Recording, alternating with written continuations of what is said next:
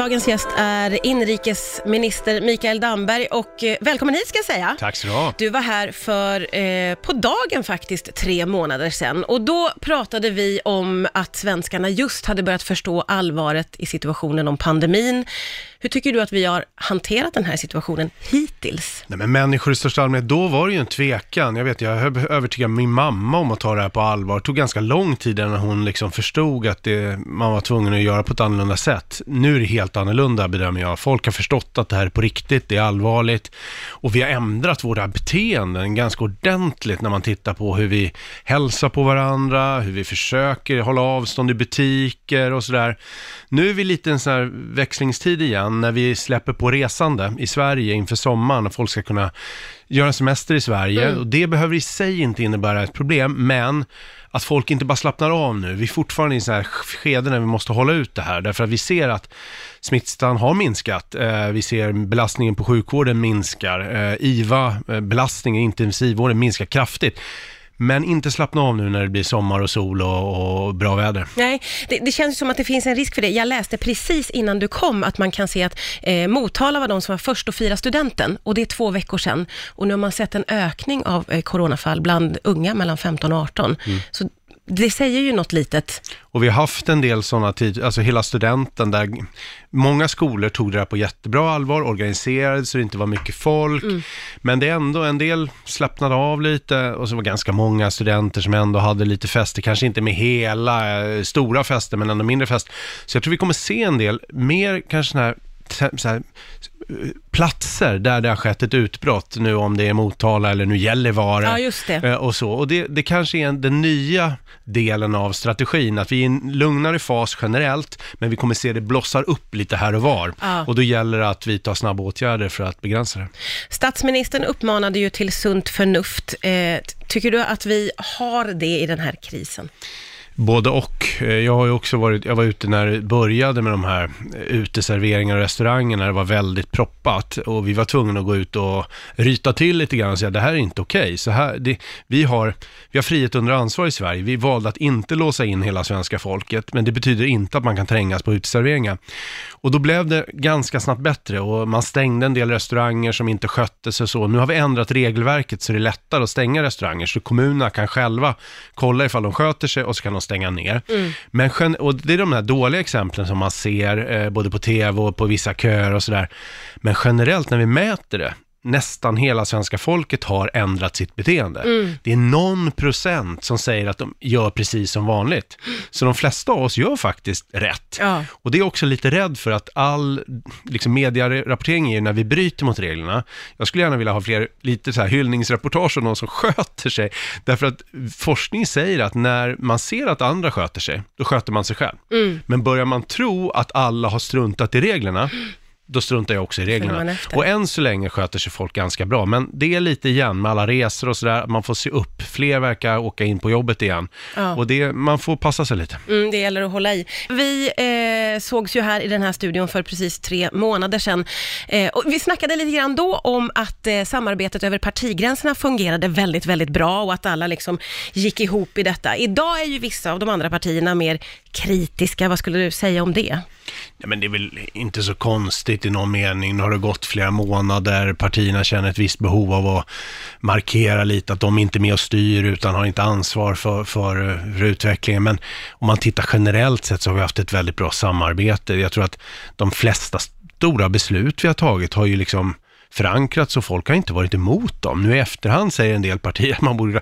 Men det är en del av spelet. Är, sitter man i regering, då får man räkna med att man får kritik. Men jag tror att svenska folket har uppskattat att vi har haft en strategi där vi har låtit folk ta ansvar, eh, att vi försökt hålla igång samhället, att skolorna har varit öppna och så. Det har varit bra, men vi har tappat en del i äldreomsorgen. Och det visste vi ju egentligen på förhand att vi har inte tillräckligt hög kvalitet i äldreomsorgen på överallt. Och där, där Men, men det det, det visste vi när vi gick in i det Ja, här och det menar är du? det som är lite, vi trodde väl att, att vi ändå skulle ha bättre koll, att det räckte med de här rekommendationerna och sen förbudet med besökande. Och sen märkte man att nej, det kanske togs in via personalgrupper som också drabbades och där följde man inte alla rutiner, man hade inte kompetens, man har ganska mycket timanställningar in och ut i verksamheten istället för fasta tjänster, bra utbildning och sådär. Så det där är ju vår akilleshäl i Sverige, att vi hade så många äldre som, som faktiskt drabbades. 75 procent av de som dött i Sverige har ju Mm. dött antingen i äldreomsorgen eller kopplat till hemtjänsten. Ja. Så det är klart att där är, det var inte fel på strategin tycker jag, för strategin gick ut på att skydda de äldre och sårbara grupperna, men vi hade behövt göra mer för att se till att, att de äldre inte mötte smittan. Ja, just det. Och, och vad, tar, vad tar man med sig från det framåt? Red, redan nu har vi ju sagt att vi ska utvärdera det här redan, börja med en sån här kommission och så, och då är det första området man ska titta på i äldreomsorgen. Men redan nu har man tittat, det var inte alla kommuner som drabbades, det var framförallt Stockholm, Mälardalen som drabbades hårt i början. Och nu har man försökt haft väldigt mycket utbildningar för andra kommuner så att de ska lära av misstagen som var i Stockholm. Eh, så att man jobbar på ett helt annat sätt. Så får man in smittan, då tar man bort människor därifrån, separerar grupper på ett annat sätt än man gjorde gjorde i början. Så att, och personalen vet och har skyddsutrustning på ett helt annat sätt nu än tidigare också. Fortfarande en utmaning, men på ett helt annan nivå än tidigare. Så att jag tror att det var det viktigaste, att lära av det, de misstagen som var i början. För det där var, det var fruktansvärt. Mm. Eh, och, det där har ju också eh, uppmärksammats av omvärlden. Omvärlden har ju egentligen hela tiden höjt lite på ögonbrynen åt vår strategi. Eh, vad, vad möts du av? Nej, men fortsatt vissa länder är fortfarande, har bara läst rubrikerna och sagt vi har haft eh, ehm, dödsfall framförallt och sen har vi haft liksom öppet samhälle och då gör de en, en koppling däremellan direkt att skolorna har varit öppna. Men det vi egentligen, vi får, det där lider vi lite grann av den Sverigebilden fortfarande. Så vi försöker vara väldigt öppna och transparenta, förklara vad vi gör och så och hur, hur, hur svenska folket har skött sig. Men, men den andra delen av, av det är väl också att resten av världen börjar göra som Sverige resten av Sverige börjar öppna upp nu. Man öppnar skolorna igen, man öppnar köpcenter och butiker, man inför de här reglerna att man inte får vara nära varandra. Man öppnar gymmen eller utegymmen igen och så. Så att jag skulle säga att världen blir allt mer lik varandra nu. Så det, det, det stora skillnaden var ju att de stängde ner. Jag tror inte de kommer att kunna stänga ner hela samhället igen om, vi, om de får en andra eller en tredje våg. Ja, det det. blir enormt kostsamt, så jag tror man måste lära sig jobba smart och långsiktigt. Och då har vi lärt oss en dyr läxa i äldreomsorgen, men andra länder har fortfarande att lära sig läxan hur man hanterar det här under en längre tid. Stänga ner en kort tid, några veckor, lätt att göra. Men sen då, vad gör man sen? Eh, och med den här coronapandemin så är det ju det som dominerar. Eh, och man blir nästan förvånad över att andra nyheter dyker upp. Eh, för någon vecka sedan eh, så handlade det igen om gängkriminalitet. Eh, och då kände jag, pågår det samtidigt? En känsla är nästan att det stannar av, men så är det inte. Nej. Jag hade en presskonferens här bara för några veckor sedan där presenterade stor, stort nytt lagförslag om skärpta straff kopplat till sprängmedel, smugglingsbrott och sådär som de gängkriminella får in massa vapen och så den vägen. Men när vi tittar på statistiken, det är lika många sprängningar och skjutningar i år som förra året. Det uppfattar det- man ju inte nej, riktigt. Därför att media inte rapporterar om det just nu. Så polisen ser faktiskt en minskad brottslighet generellt, har Ja. de haft under den här tiden. Så det var mindre inbrott, det var mindre liksom, våldsamheter på stan och sånt där. Men när det gäller gängkriminella, de har hållit på fortfarande. Narkotikaförsäljningen, uppgörelserna har fortsatt. Så att för mig har det varit viktigt att orka fortsätta leverera på det där som vi har lovat att göra, trots att vi har haft en pandemi, för att det där har inte försvunnit. Eh, En sak som inte har hänt i Sverige än så länge, ta i trä, det är att många länder har haft under pandemin en väldig uppgång av kvinnomisshandel. Ja.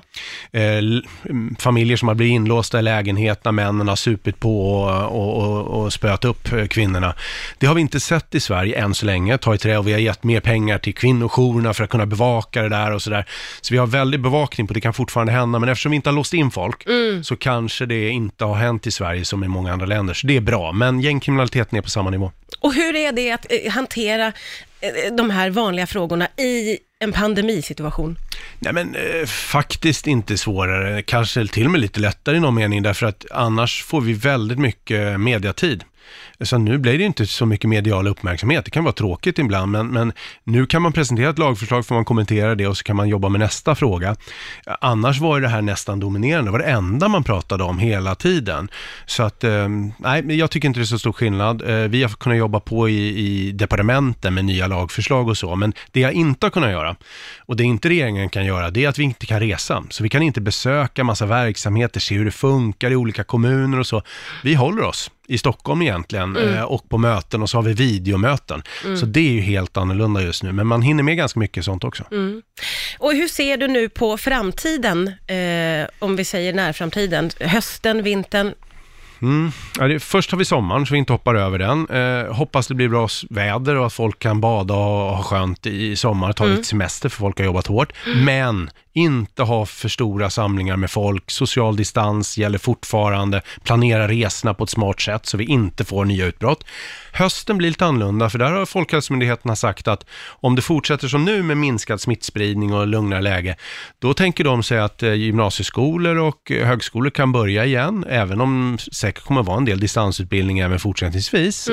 Eh, Så det blir lite öppnare till hösten. Ja, och det okej. som många väntar på, det är hur de här nya testerna, vi testar allt fler nu, eh, ganska stor ökning nu senaste veckorna.